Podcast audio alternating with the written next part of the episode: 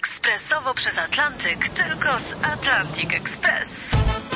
Z nami wyślesz co chcesz, kiedy chcesz, do kogo chcesz i to o 40% taniej. W Atlantic Express wysyłamy wszystko. 1 800 775 7363. Mienie przesiedleńcze, kontenery, paczki do Europy. Atlantic Express o 40% niższe ceny na wysyłki, kontenerów, samochodów i paczek. Ekspresowo przez Atlantyk, tylko z Atlantic Express. Historia kina pełna jest wydarzeń wielkich, niezwykłych, ale i tandetnych, miałkich. Jedne budzą niekłamany zachwyt i to zarówno widzów, jak i krytyków.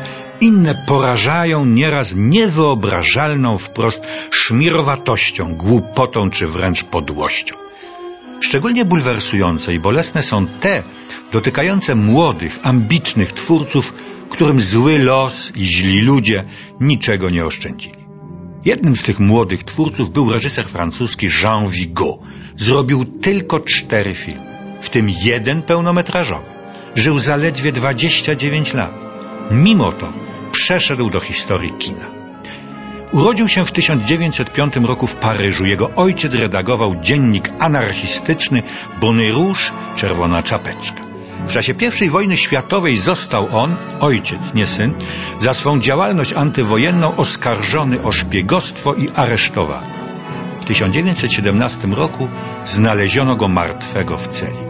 Władze oficjalnie twierdziły, że popełnił samobójstwo, ale poważne poszlaki wskazywały na morderstwo polityczne. Poglądy i postawa ojca legły ciężkim brzemieniem na życiu Żana. Uważany był, podobnie jak jego ojciec, za wyrzutka społeczeństwa. Co więcej, od wczesnego dzieciństwa chorował na nieuleczalną wówczas gruźlicę. Naukę w różnych szkołach prowincjonalnych przerywały mu coraz częstsze pobyty w szpitalach i sanatoriach.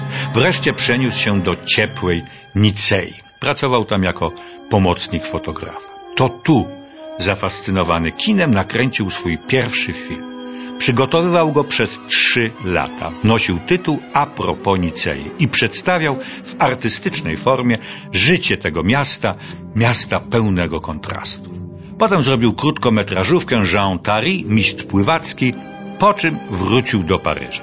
Trzeci jego film, Pała ze sprawowania, zrealizowany w 1933 roku, wywołał burzę graniczącą ze skandalem. W bezprecedensowy w tamtych latach sposób przedstawił bunt uczniów przeciwko drastycznym rygorom szkolnego porządku, często sadystycznym praktykom nauczycieli i opiekunów, przeciwko szeroko rozumianej tempocie władzy i autorytetów. No, na reakcję nie trzeba było długo czekać. Film uznano za antyfrancuski i zdjęto z ekranów. Pojawił się na nich dopiero po II wojnie światowej. Jeszcze gorszy los spotkał czwarty i ostatni film Vigo, Atalanta z roku 1934. Oglądając ten film dziś, a należy do najciekawszych, najwartościowszych dzieł kina, nie tylko francuskiego, aż trudno uwierzyć, że został tak brutalnie potraktowany. Jest to bowiem prosta, przejmująca opowieść o załodze barki pływającej po sekwanie. Młody właściciel tejże barki ożenił się właśnie z młodą wiejską dziewczyną. Zaczynają wspólne życie.